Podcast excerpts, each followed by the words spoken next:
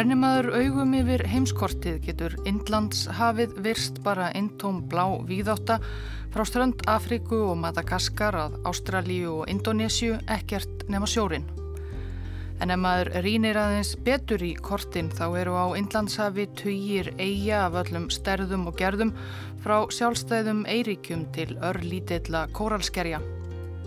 Um það byrji miðri bláu víðáttunni, 3000 km austur af Afrikuströndum og 3500 km vestur af Indonésiu, er þyrping sjö kóralrifja, alls um 60 eigjar og sker.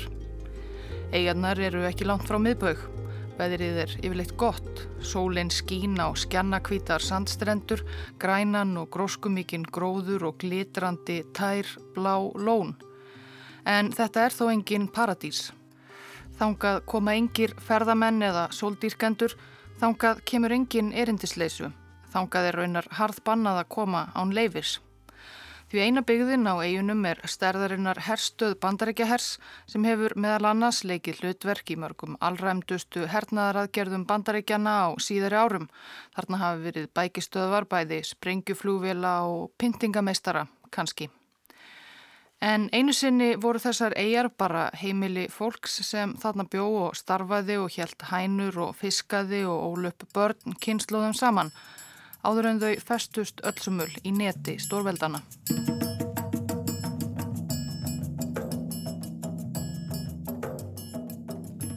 Portugalskir sæfarar konnuðu eigjar Indlandshafs á 16. öld Líklega var það landkönnuðurinn Petro Mascarenhas sem fyrstur uppgötaði þessar eigjar og skerum 1513 og nefndi þær Tjakas á portugalsku Sár eins og Sárin á líkama Krists. Stærsta kóralrifið fekk svo nafnið Diego Garcia eftir öðrum portugalskum könnuði sem átti leið þjá síðar. Tjakas eða Tjagos eigjar eins og þær eru nú kallaðar voru þá komnar á kortið en að öðru leiti höfðu Portugalar ekki áhuga á þessum afskektu óbyggðu skerjum mörg hundruð og mörg þúsund kílometra frá öllu.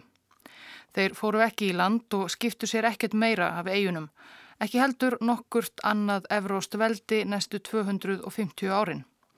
Það gerðist ekkert fyrir ennum miðja átjónduöld. Það voru frakkar farnir að gera sig gildandi á ímsum eigum Inlandshafs, búinir að leggja undir sig Reunion og Mauritius og Seysilegar. Þessar eigar þóttu mikilvægar til að tryggja skipaleiðir um Inlandshaf og þá fóru franskir landnemar á eigunum að rækta sigur og kókos með hjálp afrískra þræla. Fyrstu afrísku þrælatnir voru fluttir til Diego Garcia, stærstu eigu Tjagos eigaklassans um 1783. Þeir voru 22 og áttu að vinna á nýri kókosolju plantegru fransks atafnamanns á Máritíus. Máritíus, miklu stærri eiga, var í næsta nákrenni eða svona á mælikvarða Inlandshafsins. Hún er rúma 2000 km suðvestur af Tjagos. En hvað um það? Frakkar heldu yfiráðum sínum á rivjunum ekki lengi. Eftir ósigur Fraklands í Napoleonstríðunum 1814 eignuðust brettar fjöldanallan af frönskum eigum víða um heimsöfin þar á meðal Mauritius í Inlandshafi og með því eijaklassan Tjagos.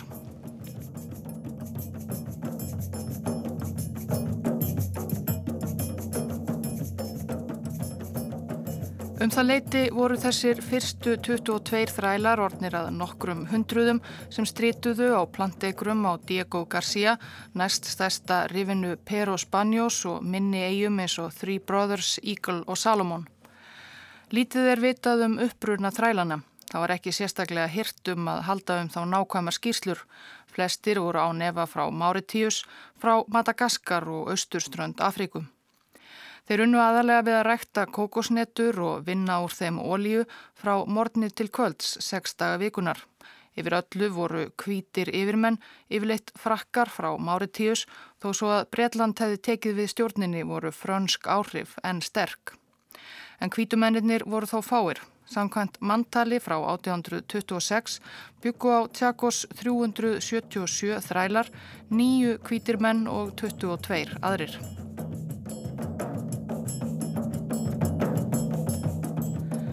Árið 1835 var þrælahald afnumið á bresku nýlendunum Máritíusi og Tjagosegjum. Planteguru þræladnir á Tjagos öðluðust á frelsi.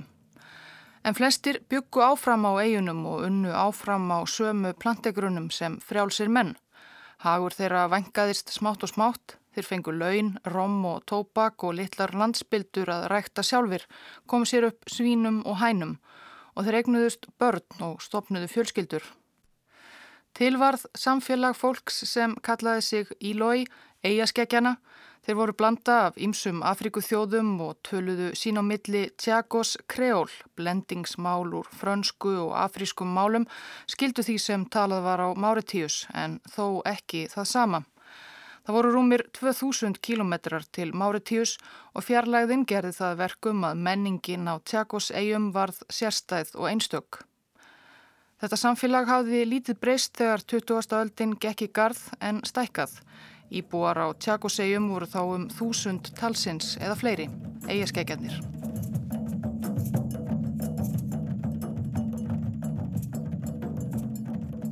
Við vorum eins og fiskar í vatni. Við vorum engi letingjar, við unnum hörðum höndum. Við lifðum af landsins gæðum borðum fisk og grænmeti og ávexti sem nóg var af í skóginum. Náttúran var okkar ískápur. Rita Bankó vaknaði yfirleitt um fjögur á mótnana. Hún var fætt 1925 á Hortneiu, einni Tjakoseiga. Bórættrar hennar og afi og amma voru líka fætt á eigunum en hvaðan þau voru ættuð vissi hún ekki, kannski frá Madagaskar. Rita notaði morgunstundirnar til að fæða og klæða börnin og taka örliti til í strákofanum þar sem hún bjó með manni sínum og börnum. Sjö morgunin fór hún í vinnuna. Eins og flestar konur á tjakosegjum þarna um miðbygg síðustu aldar vann hún við að verka kókosneturnar sem kartmennir týndu af trjánum, opnaðær og skopla út aldinkjötinu með sérstökum hnífi. Þetta gerði Ríta með örfáum snörpum og þölvunum handtökum. Hún var bara örfáar sekundur með hverja hnetu, svo hún var yfirleitt búin með dagskamtinn, 1500 hnetur eða svo, um 10 eða halv 11 fyrir hádegi. Þá tóku aðrar konur við, breyttu úr aldinkjötinu og þurkuða, svo hægt væri að vinna úr því ólíu síðan meir. En vinnudegi Rítu var lokið.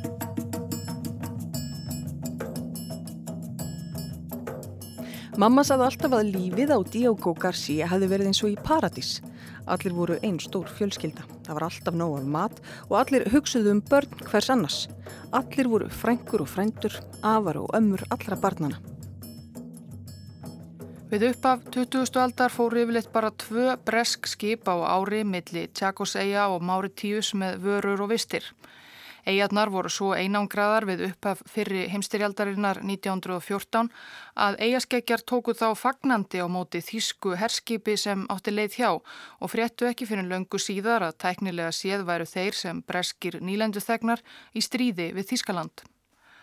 Árið 1935 var komið á gufuskipa leiðmiðli Máritíus og Tjakos fjórum sinnum á ári og einnig mótorbátaferðum milli einstakra eiga svo einangrunnin mingaði til muna. Á árunum eftir setna stríð var svo komið á fjarskiptasambandi við eigarnar og þangað fluttir nokkrir jeppar, traktorar og móturhjól. Nýlendu yfirvöld á Máritíus settu upp sjúkrahús, skóla og barnaheimili. Lang flestir, karlar og konur, unnu þá enni í kókosólju bransanum sem óbreytt verkafólk. Engurir náðu stöðu verkstjóra og plantegrunum og einhverjir unnu sem handverksfólk og við þjónustu störfi í þeim all nokkru litlu bæjum og þorpum sem þá höfðu sprottið upp á eigunum. Það var ekkert atvinnuleysi. Launin sem eigendur kókosplantegrana greittu, þeir allir lengst í burtu á Máritíus, voru frekar lág á alþjóðlegan mælikvarða en það gerði þó ekki svo mikið til. Flestir eigaskeggjar livðu aðalega á landsins gæðum. Launin settum við bara inn á reikning í lok mánadar.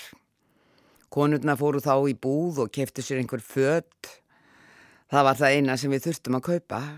Fött eða klæði til að saumúr, sigur og mjölk. Annars þurftum við ekkert að kaupa, nema síkarettur um að reykti. Það var til bjór í búðinni líka og rom, en við byggum annars til okkar eigið áfengi. Flest, ef ekki öll okkar, heldur dýr og fuggla. Kjúklinga, endur, svín, kalkuna, gæsir, kanínur. Við ræktum við líka ávexti og grænmeti. Og grænmeti sem ein fjölskylda átti ekki var alltaf hægt að fá í skiptum hjá þeim sem það ræktaði. Sumir voru með bíflugnabú og gerðu ferst hunang fyrir alla. Öll kunnum við að veiða og ná í mat úr lóninu.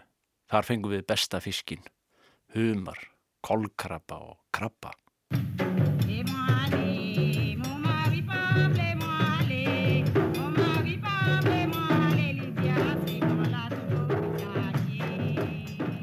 Á laugardögum var hefðin að þorpsbúar sópuðu og tóku til í sameinlegum byggingum eins og kirkjum og spítölum og kvöldin voru haldnar veislur, sapa, söng og danskemtanir við varðeld undir tungsljósinu. Fólk opnaði hjá sér, allir komu út, börðu, trumpur, sung og dönsuðu og við heldum áfram til morguns. Það til snemma morgun, sex eða sjö, jável gamla fólkið fór heim fyrst þá.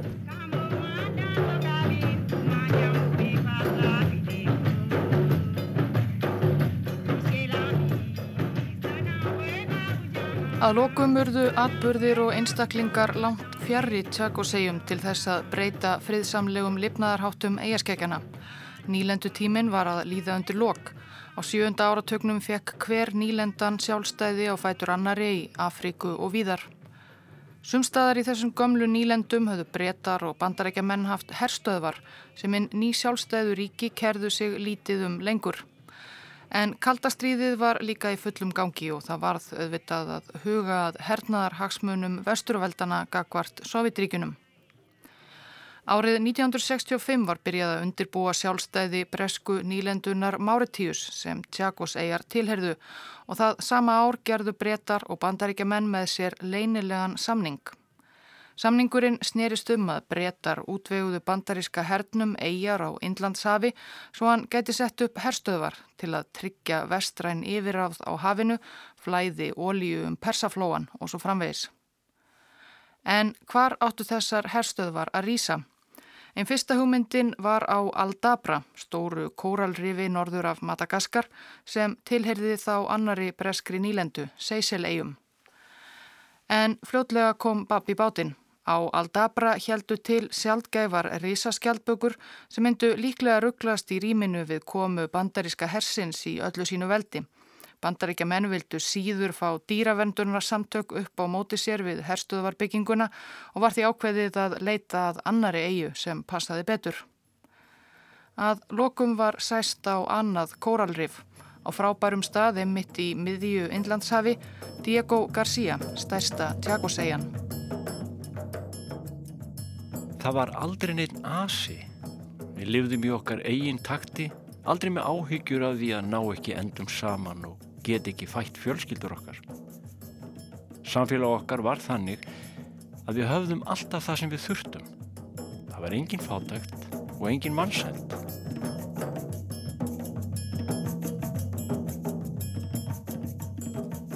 Á tjakosegjum voru þá engar sjálfséðar skjaldbökur en þar byggu einhver staðar á bylinu 1 til 2000 manns, eigaskeggjarnir og lifðu sínu daglega lífi sem við höfum heyrt af hér.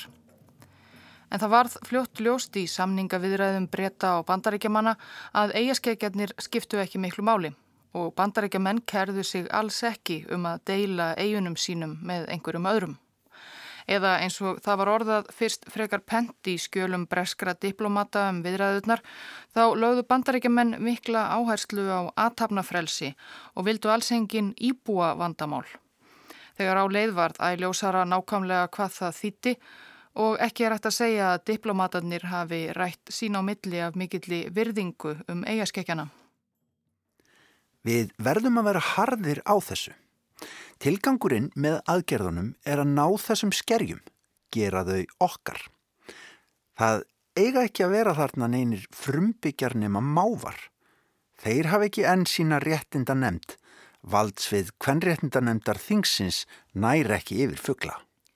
Svo laust sem breytar duttuloks niður á var einfallega að flytja íbúina burt. En hvernig átti að gera það án þess að vekja neikvæð aðtegli? Einfallega með því að reyna að breyða yfir það að þarna á eigunum byggi nokkur maður í raun og veru. Nýlendu yfirvöld vilja forðast að nota orðin först búseta í tengslum við eigarnar. Þar sem það að viðkenna að þarna sé fólk með fasta búsetu felur í sér að þarna séu íbúar með líðræðisleg réttindi sem verði að vernda. Brettar lögðu því línuna á þann vegað íbúar á Diego Garcia og hinnum Tjagos eigunum væru ekki eiginleir íbúar, heldur einfallega farandverkamenn sem hefðu sest þarna að til að vinna í kokosóljubransanum. Því miður eru á eiginni aukfuglana nokkrir tarsanar og frjádagar af óljósum uppruna og er vonandi hægt að koma þeim fyrir á máritíus eða eitthvað. Eins og við höfum heyrt þá var þetta alls ekki rétt. Vissulega voru fyrstu íbúar Diego Garcia og hinna Tjakos eigana þrælar og síðar komu eflaust einhverjir farandverkamenn en flestir þeir sem byggu á eigunum á sjöund áratögnum gáttu rækið ættir sínar á eigunni aftur margar kynnslóðir en það voru þó engar skjaldbökur.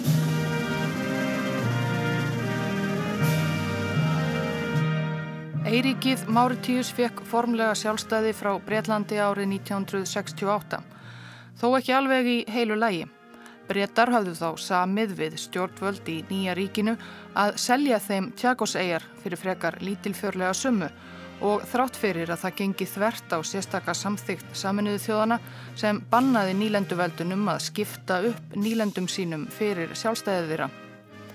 Það var því bara eigin sjálf Máritíus sem fekk sjálfstæði 68 en Tjagos eigjar voru áframundir bresku krúnunni sem breska Inlandshafssvæðið og mikil áform voru um framtíð þess.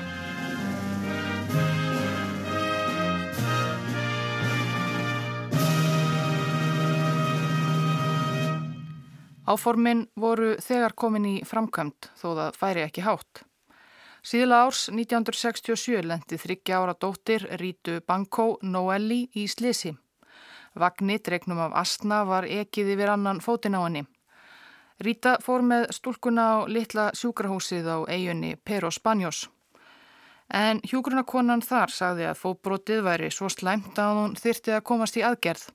Til þess þyrtu þau að ferðast 2000 km yfir hafið til Máritíus.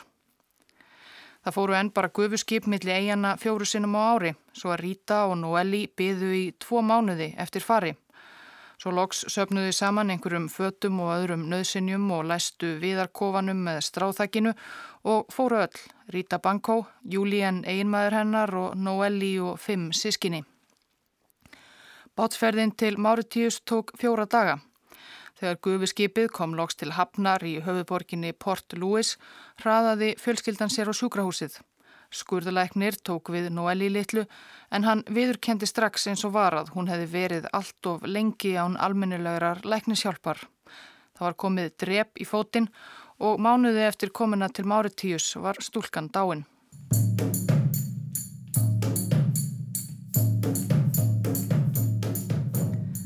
Það voru svo tveir mánuður í næsta bát tilbaka. Ríta og fjölskyldan sirðu og byðu. Loks þegar von var á skipinu fór Ríta á skrifstofu skipafélagsins til að kaupa miðana. Hún snýri aftur til fjölskyldu sinnar grátandi. Henni hafi verið neitað um miða aftur til Tjakos. Sagt að búið væri að selja eigarnar og fjölskyldan mætti ekki snúa aftur. Fleiri eigaskeggjar sem ferðuðust til Máratíus upp úr þessu fengu sömu skilabóð, bannað að snúa aftur, hvort sem þau höfðu farið til að vinna, hitta ættingja eða sækja sér læknistafstóð. Ég fór 1967. Ein maður minn var mjög veikur og ég ákvaði að fara meðan til Port Louis. Þegar við ætlum tilbaka fórum við til skipafélagsins og báðum um miða en þeir sögðust hafa fyrirmæli um að leif okkur ekki að snúa aftur. Þeir sögðu að það veri búið að selja Diego Garcia. Við vorum köpuð.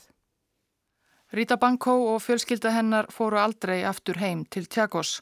Þau voru strandaglópar í ókunnugu landi, allslaus fjari ættingum og ættjörð. Eginmaður Rítu, Júlíen, fekk einhvers konar slag skömmu síðar og varð aldrei samur. Hann lést svo eftir fimm ár. Hann dó úr sorg, sagði Ríta alltaf.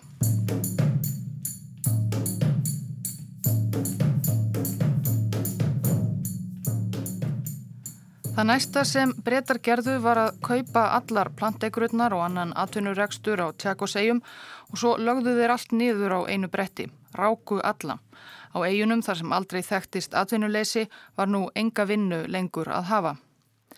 Breytar voniðu að fólk myndi þannig hafa sig sjálfviljugt á brott en það voru þetta allt bara farandverkamenn, það var allavega línan.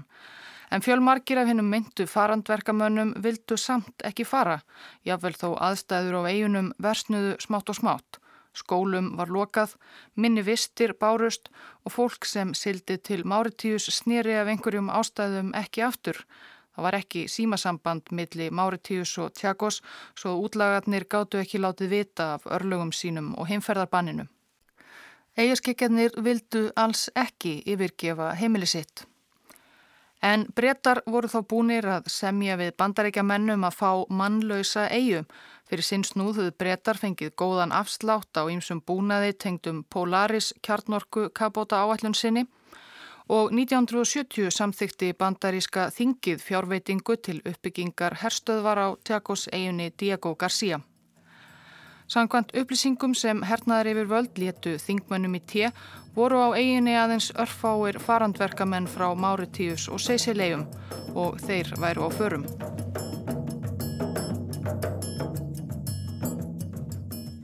Tuttúast og fjörða janúar 1971 voru allir íbúar á Diego García bóðaðir að skrifstofu yfirmanns stærstu plantegrunnar fyrverandi East Point.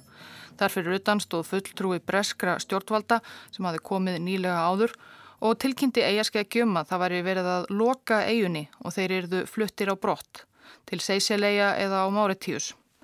Eigaskeggjar voru agdofa, trúðu ekki sínum eigin eirum. Um svipaleiti fóru fyrstu útsendarar bandaríska sjóhersins að lenda á Diego García að kanna aðstæður Þeir uppgötuðu fljótt að fullirðingar breyta um að á eiginni væru engir sannir íbúar stóðust ekki skoðun. Til dæmis þegar þeir rákust á gamalt fólk á eiginni sem sagðist hafa búið þar alla tíð. Við höfum á tilfinningunni að breytar hafi ekki verið alveg hrinskilnir. Fólksflutningar eru mögulegt vandraðamál og gæti skemmt aðgerðir okkar á Inlandshafi. Fréttamaður í slíkum hugleðingum gæti spurt spurninga sem myndu leiða til mjög neikværa frétta um að verið væri að rýfa langtíma íbúa á Diego García af heimilum sínum til þess að byggja ískikilega herstöð. En það var allt of seint að hætta við nú. Stjórn bandaríska sjóhersins matað svo að það væri þess virði að taka áhættuna á neikvæðri umfjöllun en það gættu þér þess að láta breyta sjá um öll skýtverkin. Æðsti yfirmaður sjóhersins, Elmo Sumvald Admiral, hafði loka orðið. Eða þau voru fjögur. Í skeiti sem bar yfirskriftina Kókosólju verkamenn á Diego García skrifaði hann bara algjörlega verða að fara.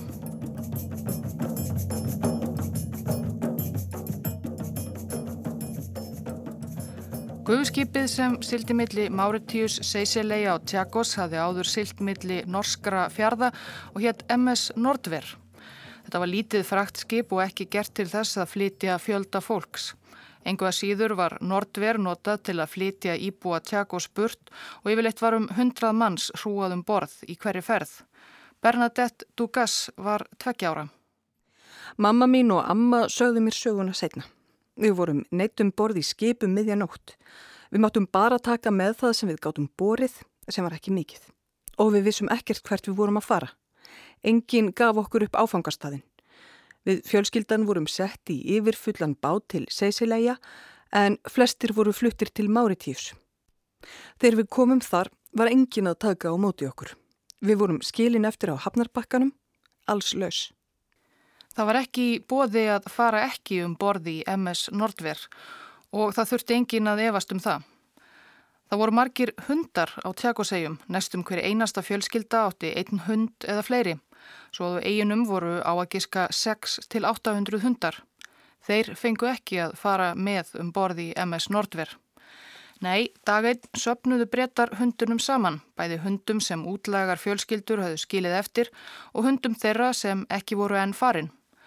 Þeir lokkuðu þá með ráum kjöttæjum inn í stóra skemmu og lokkuðu þá inni. Lokkuðu dýrum og glukkum vandlega. Svo dældu þeir útblæstri úr herjeppa inn í skúrin og svo þegar allir hundarnir, allir 6 eða 800, voru dauðir þá kveiktu þeir í skemmunni. Þeir íbúar sem eftir voru á Tjakos fyldust með öllu saman, hundunum sínum Ylvra, Brenna og Deja og veldu ef til vil fyrir sér hvort þetta erðu þeirra örlög ef þeir hlítu ekki breytum. Fyrsti leggur sjóferðarinnar frá Tjakos til Seysjál tók fjóra daga. Lang flestir hinn að nauðu farþega voru út á þilfari allan þann tíma innan um hesta sem breytum fannst mjög mikilvægt að flytja einnig frá inni. Það var oft vond í sjóin og margir veiktust.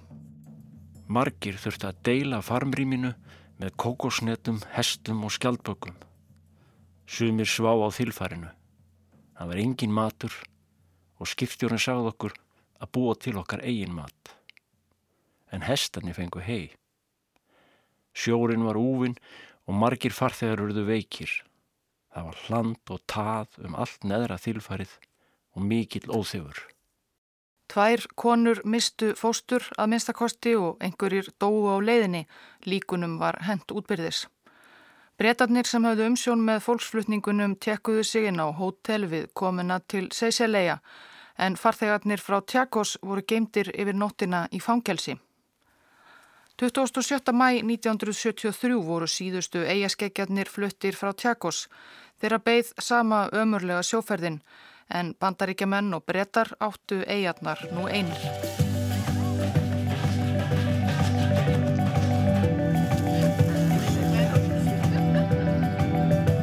Mauritius, now my heart belongs to you. Í auglýsingamindböndum fyrir eiguna Máritíus sem ferðamannastað má yðurlega sjá kvítar strendur, heiminblátt haf, tilvalið til köfunar eða brimbretta yðkunar, græna skóa og myndarleg fjöll, gladbeita eigaskekja, fín hótel, litríka, koktela og svo framvegis. En það var ekki þetta sem beigð flóta fólksins sem flutt var frá Tjakosegjum til Máritíus á árunum 1967 til 73.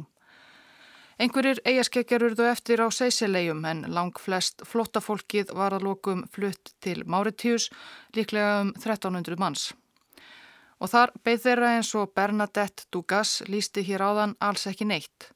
Þið ný sjálfstæða Eiríki Máritíus var þá í nægum vandræðum fyrir þótt að þyrti ekki að taka á móti stórum hópi útlaga sem kerðu sig ekki um að vera þar.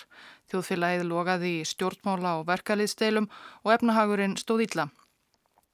Bresk yfirvöld höfður reyndar borgað Máritíusmönnum 650.000 pund fyrir að taka á móti flottafólki frá Tjakos. En þeir peningar rötuðu einhvern veginn aldrei til flottafólksins og það voru engar ráðstafanir gerðar. Eigaskekkjum var mörgum sagt að á Máritíus fengið þeir vinnu og húsnæði en við komuna var varla neina vinnu að hafa, hvað þá húsnæði.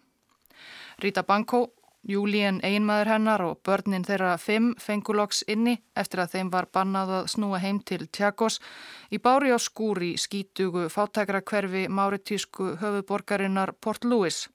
Skúrnum deldu þau með 17 öðrum flottamönnum. Þau reyndu að koma stað í eigin skúr en gáttu ekki borgað svo þau hrögtust skúr úr skúr sváfu á götunni innan um sorphaugana í fátækra hverfinum. Þar til loks að Júlíen fekk stópula vinnu sem verkamaður og Ríta sem húsjálp og þau gáttu leikt örlittla spildu þar nálegt og klastrað saman eigin skúr úr nokkrum spítum og bárjásplötum. En þau örðu að passa sig að opna ekki mikið munnin í vinnunni því þá heyrðist á hreimnum að þau voru frá Tjakos og þá áttu þau á hættu að missa vinnuna. Það örðu strax til stækir fordómar gegn eigaskekkjunum í máritísku samfélagi. Máritíusmönnum fannst skammarlegt að vera nær okkur. Mári tískir vinir, ef einhverjir, vildi ekki kannast við okkur ofinberlega. Það var gert grínað okkur. Flest þurftum við að fela uppruna okkar og menningu. Við vorum látin skammast okkar og við mistum allt sjálfströst. Og börnin okkar ólust upp með sömu skömm. Og lífsbaráttan var hörð. Ríta og Júlien höfðu ofta ekki nómilli handana til að fæða öll börnin fimm. Ríta fiskaði stundum gamalt brauð upp úr ruslinu á heldri manna heimilunum þar sem hún vann við þref, hitaði og mýtti með vatni heima og gaf börnunum. Ef það brást týndi hún lauf af runnum og sögði niður í súpu með smá salti. Ég skammast mín ekki fyrir að segja frá þessu. Á eiginni minni var þetta aldrei svona. Hvernig gæti ég glimt því? Börnin mín borðuðu ekki dögum saman. Svo fekk Júlien eiginmaður rítu slag og lést eftir fimm ár eins og við heyrðum áðan og börnin þeirra lendu flest á glapstígum og létust ung. Raunar dóu förðumarkir flótamenn af Tjakos ekki löngu eftir komuna til Máritíusar. Tögir af frekar ungu og heilsurhaustu fólki létust fyrsta árið í útleðinni. Af ýmsum orsökum úr sjúkdómum sem grasseriðu í fátækara hverfunum á Máritíus vegna fátæktar, áfengisíki eða eitulefja fíkn eða einfaldlega eins og Tjakos búar sjálfur sögðu og segja úr heimþrá og sorg.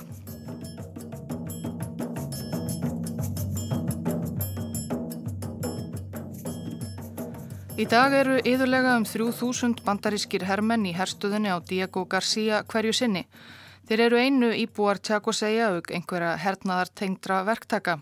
Herstuðin er með mikilvægri bækistöðum bandaríska sjóhersins í þessum heimsluta og leik hlutverk í báðum Íraksstríðum og innrás bandaríkjamanna í Afganistan.